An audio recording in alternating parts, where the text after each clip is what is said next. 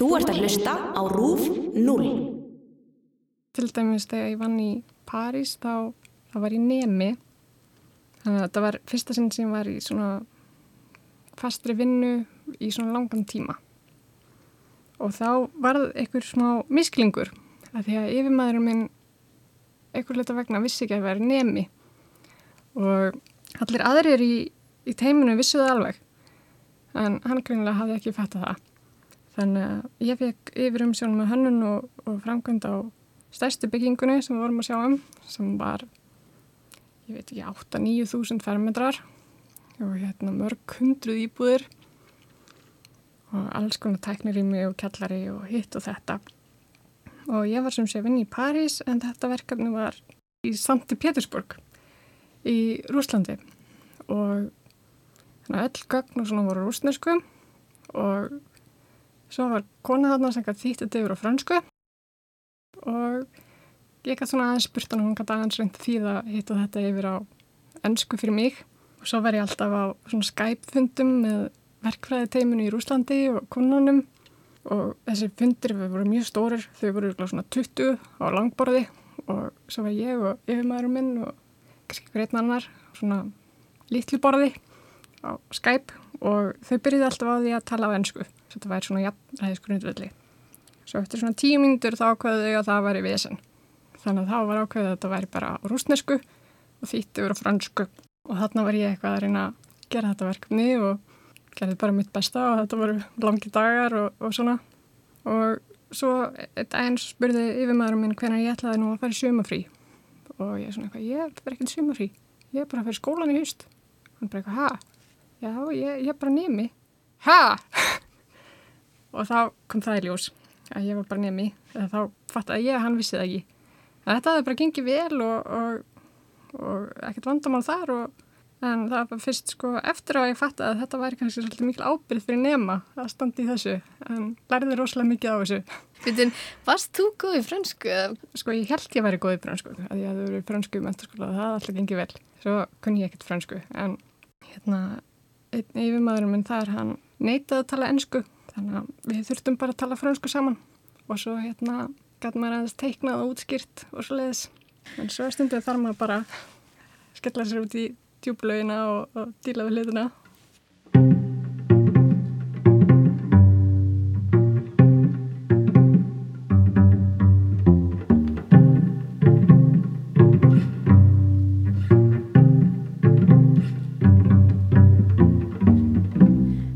heiti Hildur og þetta er Skaparinn. Í þessum þætti fæði til minn gæsti sem eiga sameigilegt að skapa hluti og vera frekar góður í því. Sumir kalla sér listamenn, aðrir ekki, en öll eiga þau það sameigilegt að vera með frjóan huga og vinna við að framlega hugmyndir. En hvernig hugsaður þetta fólk? Hvað gerir það þegar það fær ekki lengur hugmyndir? Eða er alltaf nóga hugmyndum? Ég heiti Elisabeth Hugurum Georstóttir og ég er arkitekt. Ég er 31 ás og býð í Kaupmannöfn með kæristanum mínum sem er kvikmyndagerðamæður og hundurum okkar sem heitir Brian. Kæristin heitir Ted Carlson. Ég var í MR á eðlisfræðibraut, var alltaf í myndlætsskólanum á kvöldin og svo fór ég í myndlætsskólan í Reykjavík í fornám í eitt ár þar sem ég kynntist alls konar mismunandi listformum og svo fór ég út í Kaupmannöfnar.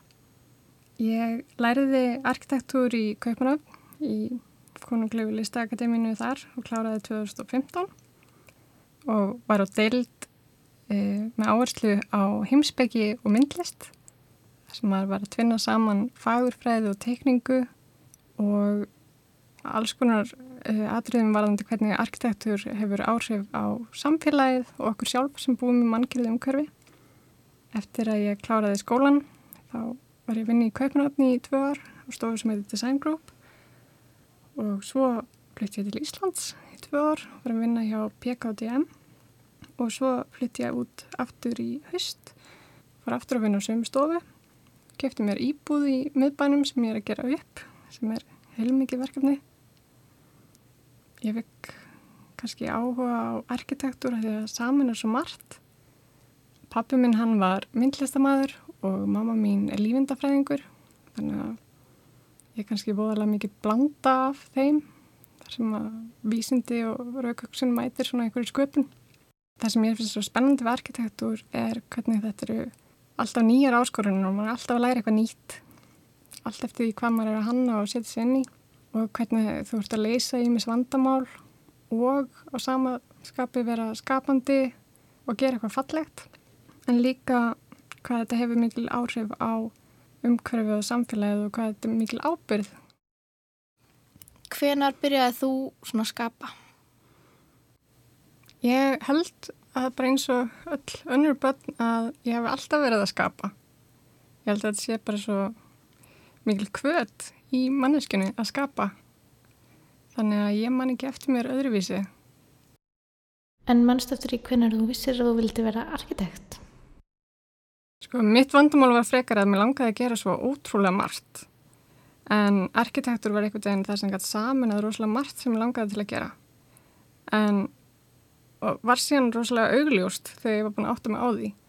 En sem bann þá var ég til dæmis ofta að teikna dúkúhús. Byrjaði bara þannig það kannski þegar ég verið fimm ára eða eitthvað svo leiðis. Og svo til dæmis þegar ég var svona nýju, tíu ára þá kom Harry Potter út á íslensku. Og mér finnst Harry Potter æðisleg bók og mér langaði svo að vera í Hogwarts en ég sá ekki fram á að, að það veri eitthvað að fara að gerast. Ég, það kom aldrei þessi ugla og svona. Þannig að ég hérna teiknaði mína einu útgafu á Hogwarts það voru ekki galdrar heldur maður hérna notaði nútíma tækni þannig að teiknaði öll grunnplön og, og sneiðingar af þessum skóla með alls konar svona skemmtilegum fítusum sem ég var svona minna á Hogwarts en það voru kannski rúlustegar í staðin fyrir galdratröppur og svo leiðis Þannig að eftir það þá fór ég líka að tekna íbúðir og hús og hverfi, bara svona að leika mér. Þannig að þegar ég fætti að ég ætti að verða arkitekt þá auðvitað. Það lág alltaf svolítið í kortunum. Þegar þú fær svona hugmyndir og byrjar að vinna hvernig, þess að segðu mig frá ferlinu, frá grunnhugmyndu og hvernig maður útfærir það? Þá í vinnunum náttúrulega er ég með ákveðin verkefni sem ég er að leysa og stundum snýst svolítið út um að finna út hvað er í rauninni vandamálið eða hún vill fá ákveð, ákveðina byggingu eða ákveð verkefni eða masterplan og þú þarf svolítið að þróa það sjálfur að sjálf hérna hvað er vandamálið og hvernig lausnin er. Og í arkitektur er náttúrulega alls konar faktorar sem að koma inn í. Þú ert ekki alveg frjáls eins og ef þú verður að gera listaverk Það er til dæmis búið að gera plani við svæðið, ákveðin uh, húshæð og massi sem þú mátt byggja og svo auðvitað alla funksjónunar sem að kúnun hefur og vill fá inn í bygginguna.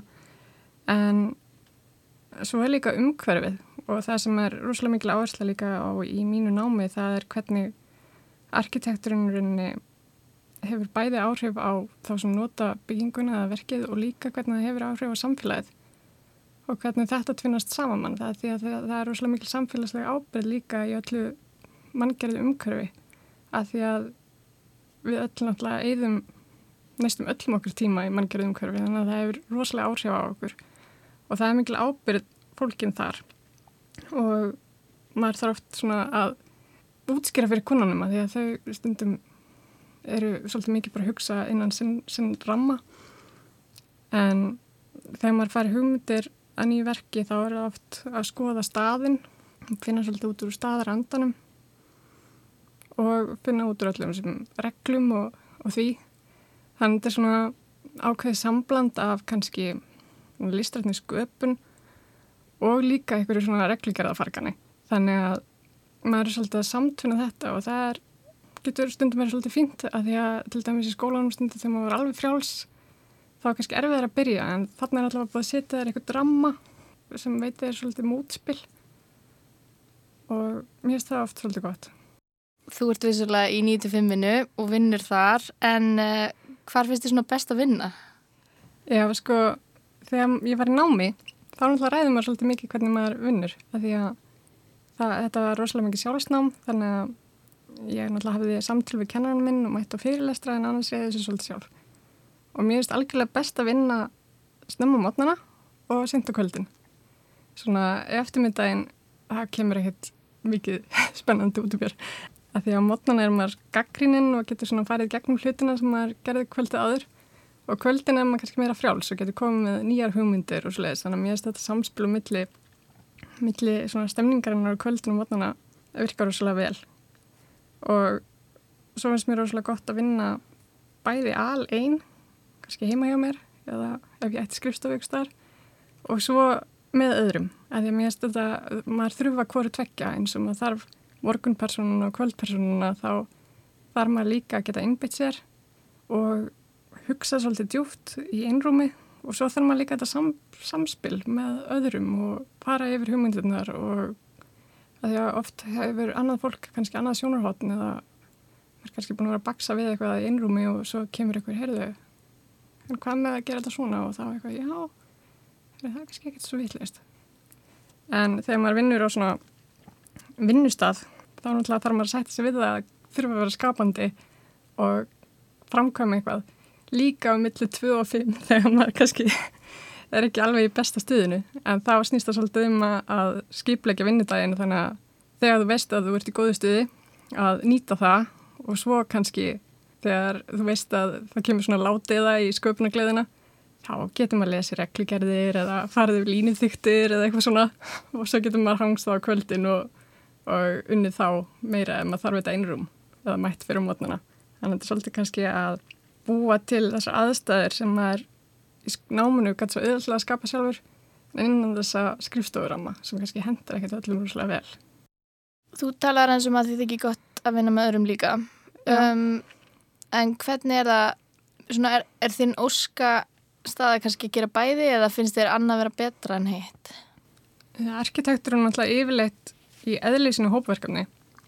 Að því meiri segja þótt ég sæti ein með verkefni þá þarf ég náttúrulega að halda fundi með verkfræðingum og byggingar yfirvöldum og auðvitað kununum sem ég er að vinna fyrir. Þannig að þetta er aldrei svona eins og vera listamæður þar sem þú getur verið gjörsanlega einn og unnið sjálf og svo er bara verkið tilbúið. Þannig að þetta er alltaf svolítið hópverkefni. En mér finnst í rauninni bæði gott og í þeim verkefnum sem ég hef verið að vinna þá hefur mér sínt rosalega mikið tröst þannig að ég hef oft verið bara að stýra þeim svolítið sjálf. En stundum sko léttir að svolítið pressuna þetta sé hópverkefni og líka því að vinna með öðrum arkitektum að því að oft kannski er maður fljótar að komast að einhverju nýðistöðu að því að maður ræðir og dílar við aðtriði strax þannig að ef maður er eitt þá kannski getur maður svolítið verið að elda skottaða sér í svolítið tíma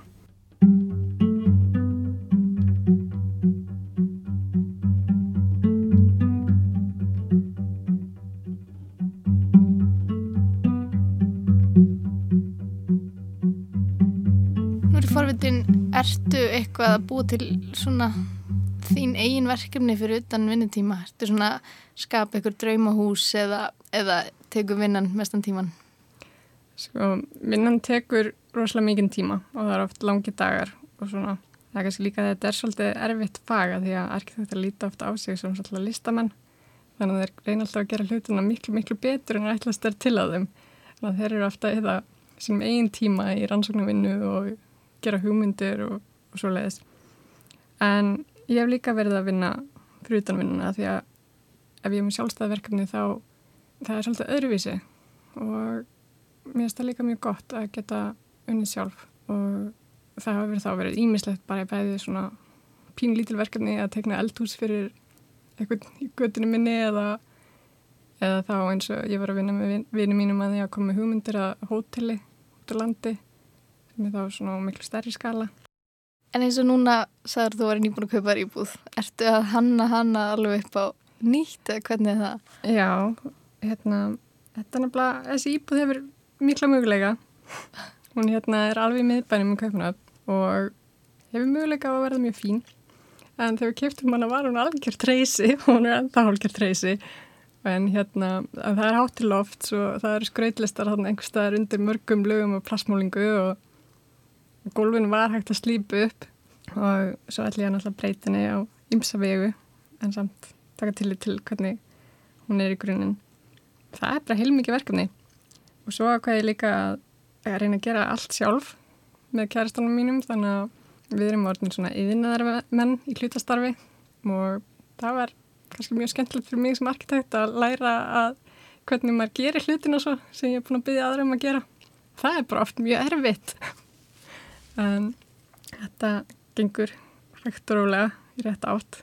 Maður getur gert svona alls konar rannsóknir og tilraunir þegar maður er að vinna fyrir sjálf sig eins og ég er bara að reyna að nota umhverfisvæn byggingrefni og sem mest upprunulega byggingrefni út af því að það er rosalega mikið af nýjum byggingrefnum sem hafa komið í tímans á sem að eru kannski einfalt að nota, fotna hratt en það er ofta að því að búið að setja alls konar efni í vörurnar.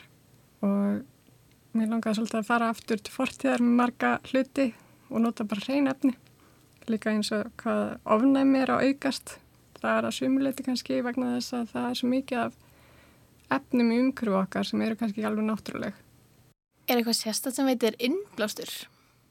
Já, það er reynin mjög margt það sem er skemmtilegt verkþæktur líka því að þú ert alltaf að læra eitthvað nýtt og til dæmis þegar ég var að tekna spítala þá þarf maður að setja sig rosalega mikið inn í allt varðandi spítala, læknisfræði og svo leiðis og svo þegar ég var að tekna hótela þá setjum maður sér inn í það og maður er að tekna hús fyrir fjölskyldu þá þarf maður að setja sér inn í sko, hvernig þessi fjölskylda haga sér. Þannig að þetta er á stórum skala og litlum. Þannig að oft finnst mér bara gott að kynna mér alls konar hluti og fæ innblástur þannig. Þannig að þá er ég bara að hlusta á podcastum vísindi eða kannski bara sögur um einhverja fjölskyldur eða eitthvað svoleiðis. En svo fæ ég mikið út úr því að fara á myndlistsynningar, sérstaklega svona þrýviða myndlist, mest gaman sko skúltúra og svona upplöfunar myndlist fæ oft mjög mikið út úr því. Og svo skoða ég mikið bækur um arkitekta og hennun og tímaritt og svo finnst mér oft bara rosa gaman að hanga á Pinterest og Instagram og er að fylgja sko hönnuðum sem er að vinna í dag og er að byrta verkin sín.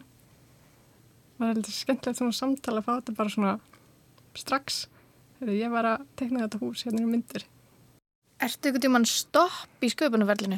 Færðu eitthvað tíman svona ykkur á stíplu eða, eða lendur á vegg? mm, Mitt vandumáli frekar að það er svo ótrúlega mikið hugmyndum og möguleikum og það er að velja mér finnst það oft geta verið erfitt að það ertu líka að útiloka allt hitt sem er líka ótrúlega spennandi og skemmtlegt en kosturinn á mér er að ef maður lendur í því að geta ekki valið eða er stopp þá er sem margir aðrir svona faktorar sem að hafa áhrif?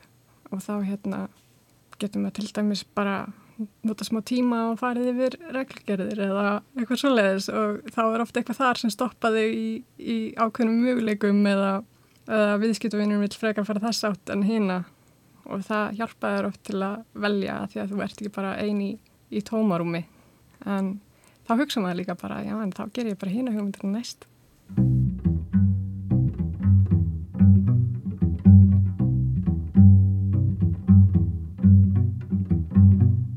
Hvað er svona mest krefjandi við að vera arkitekt? Mér finnst þetta verið krefjandi að maður æður ekki allir sjálfur. Að það er ofta komast að alls konar samkómulagi og þannig að kannski þegar maður er búin með verkefni þá hugsa maður, æ, það hefði verið svo miklu betra ef ég hefði fengið að gera þetta og þetta og hitt.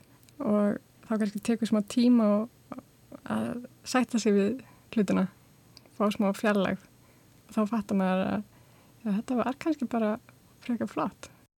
Þú talaður um að þú hefur alltaf verið skapandi og kannski á margan hátt. Ef þú væri ekki að vinna sem arkitekt, hvað sæir þið þá fyrir þér? Ég var mikið að hugsa hvort ég ætti að verða rítuhundur. Mér er strúslega gaman að skrifa texta og skáldsögur og svo leiðis.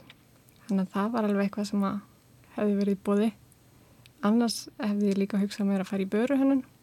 Það hefði mjög líka verið mjög skemmtlegt. Kannski er maður aðeins frálsari með hvað maður er að gera það hefur kannski verið gaman bara að verða eitthvað allt annað. Af því að núna svona eftir á þá er rosalega mörg störf sem að virka ekkert rosalega skapand en eru kannski rosalega skapand og fjölbreytt. Það er fólk að náttúrulega finna lausnir á ýmsum hlutum í öllum störfum. En ég kannski vissi bara ekkert um þau störf. Af því að allir í kringum mig voru ekkert einn meira að gera eitthvað skapandi þannig að það ekkert einn, ég veit ekki, sjón, sjóndeldarhingurinn var ekkert stærri en það. Getur þú sagt okkur aðeins svona í hverju þú ert að vinna núna? Núna er ég að vinna höfustöðvar fyrir frekar svona ung tæknifyrirtæki í Kaupanöfn sem að hannar golfherma og svona hugbúnað til að rekna út sko hraða og ferðli golfkúluna og rúkbí og, og hafnabólta og svona og ég er rosalega léli í öllum ítrútum um bolta þannig að þetta er svolítið fyndið en þetta er eins og verið æðislegt verkefni að því að þessa, þetta fyrirtæki er búið að vaksa rosalega undanfærið og þau ætla að byggja nýjar höfustöðvar út í skói þannig að þetta er svolítið gafall skóur og við þurfum að flétta bygginguna inn í skóina því að það má eiginlega ekki fellan inn tré. Helst sem fæst en einhverju hluta vegna er þetta samt bygginglóð þannig að ég er hérna eitthvað að flétta saman byggingu og tré og búin að fá mann út á svæðið að mæla hæð og sverleika allra á trjáana. Og þetta er líka skemmtilegt verkefni upp á það að þau hafa metnum til að gera þetta flott. Út af því að þau eru náttúrulega samkjörnum með önnur fyrirtæki um starfsfólk. Og það er alltaf vera eitthvað pínu ekstra sem gerir að fólk nenni að vinna fyrir akkurat þetta fyrirtæki út í skógi. En hérna þannig að maður þarf ekki alltaf að vera að leta útýrustu lausnunum og, og svo leiðis þannig að ég held að vera mjög flott þannig að ég er bara búin að vera í þessu í allt haust. Og þetta er náttúrulega svolítið með arkitektur og verkefnum taka svo langan tíma en ég verður í þessu í svona eitt og hálft ár og svo verður þetta byggt. Þannig að kannski eftir svona þrjú ár þá veit maður hvernig það fer. Mannst eftir ykkur svona skemmtilegur sögu þar sem að þú kannski varst mjög ósamála því sem að viðskiptafinurum vildi? Það var til dæmis stofunni sem var að vinna hérna á Íslandi. Þá voruð þau að vinna verkefni út í heimi fyrir mjög ríka fjölskyldu. Þeim fannst spennandi að vera um íslenskan arkitekt að það var svona svolítið exotíst og það var búið að hanna rosalega flott mínimalist hús fyrir þau. Og einmaðurinn alveg elskaði þetta. En konan hérna henni líst ekkert á þetta því þetta var ekki nógu dýrt. Og það ætti að vera viðargólf. Og viður það er nú bara eitthvað ódýrt efni. Hún vildi ekki sjá það, hún vildi hafa marmara og fannst heldur ekki vera nógu af gulli já það getur stundum að vera svolítið skrítið þegar maður að díla við svo leiðis fólk Mælir um einhverjum bókum eða podcastum eða þáttum eða eitthvað svona fyrir fólk sem hefur áhuga á arkitektur eða sköpun yfir höfuð? Já, eins og, eins og ég segði þá finnst mér rosalega gaman að hlusta podcastum allt mögulegt og líka óskilt. Kanski líka því að ég er svo mikið að vinna með arkitektur allan daginn að stundið því ég kem heim þá er ég bara eins og undin tuska og þá þarf ég bara innblástur allstaðar að. Að því að maður verður stundum svolítið bara innviklaður í þennan heim og þarf bara pínu nýtt sjónarhótt og þá hlusta ég á podcastum náttúruvísindi og pólitík og samfélagsmál kannski frekar en, en bara um arkitektur en líka því arkitektur er náttúrulega sjón, sjónrænt og þrývít þannig að maður þarf að upplega þetta í einu personu þannig að þá er ég betra að fara bara í ferðalag eða fara og skoða hluti. Og svo er það auðvitað hérna bækur og ljósmyndir. Bæði getum að fyllt hönnuðum bara á Instagram og skoða spennandi hluti á Pinterest, ég nota það mjög mikið. Og svo er líka oft tímaritt eins og Japan eru gerast rosalega margir spennandi hlutir meða líftími húsa í, í Tókjó til dæmis held ég 26 ár meðan í Evrópu er það 150 ár að það eru alltaf verið að byggja eitthvað nýtt og reglugjariðarnar þar verið að vera mjög svona uh, lausar. Þannig að hérna, það er rosalega mikið svona tilrænakendum verkefnum og það er til dæmis tímaritið Japan Architecture þar sem kemur með nýjum verkefnum og þá eru teikningar allt svo leiðis með. Þetta verður mjög spennandi að skoða.